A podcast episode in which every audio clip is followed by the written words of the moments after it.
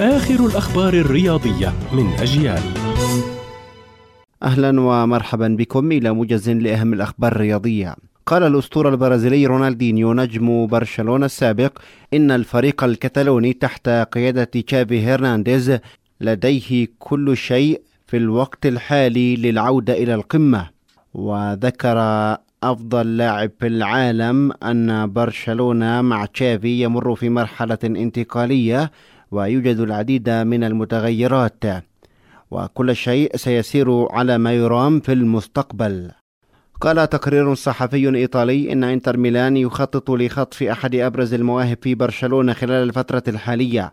وبحسب صحيفة كالتشو ميركاتو الإيطالية فإن إنتر يستهدف التعاقد مع بالدي الظهير الأيسر لبرشلونة والذي كان يتابعه منذ وقت طويل. ونجح بالدي في الظهور بمستوى مميز ما دفع مدربه تشافي للاعتماد عليه على حساب آلبا وماركوس ألونسو.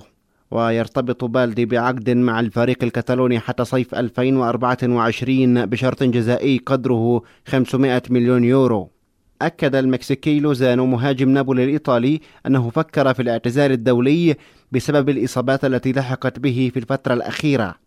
وعانى لوزانو الموسم الماضي من إصابة متكررة في الكتف حيث سجل خمسة أهداف وصنع ستة في آخر ثلاثين مباراة بالدوري الإيطالي.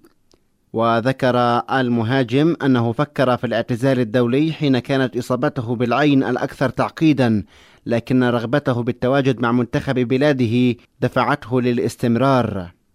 كانت هذه أبرز الأخبار الرياضية. كنت معكم محمد سمحان.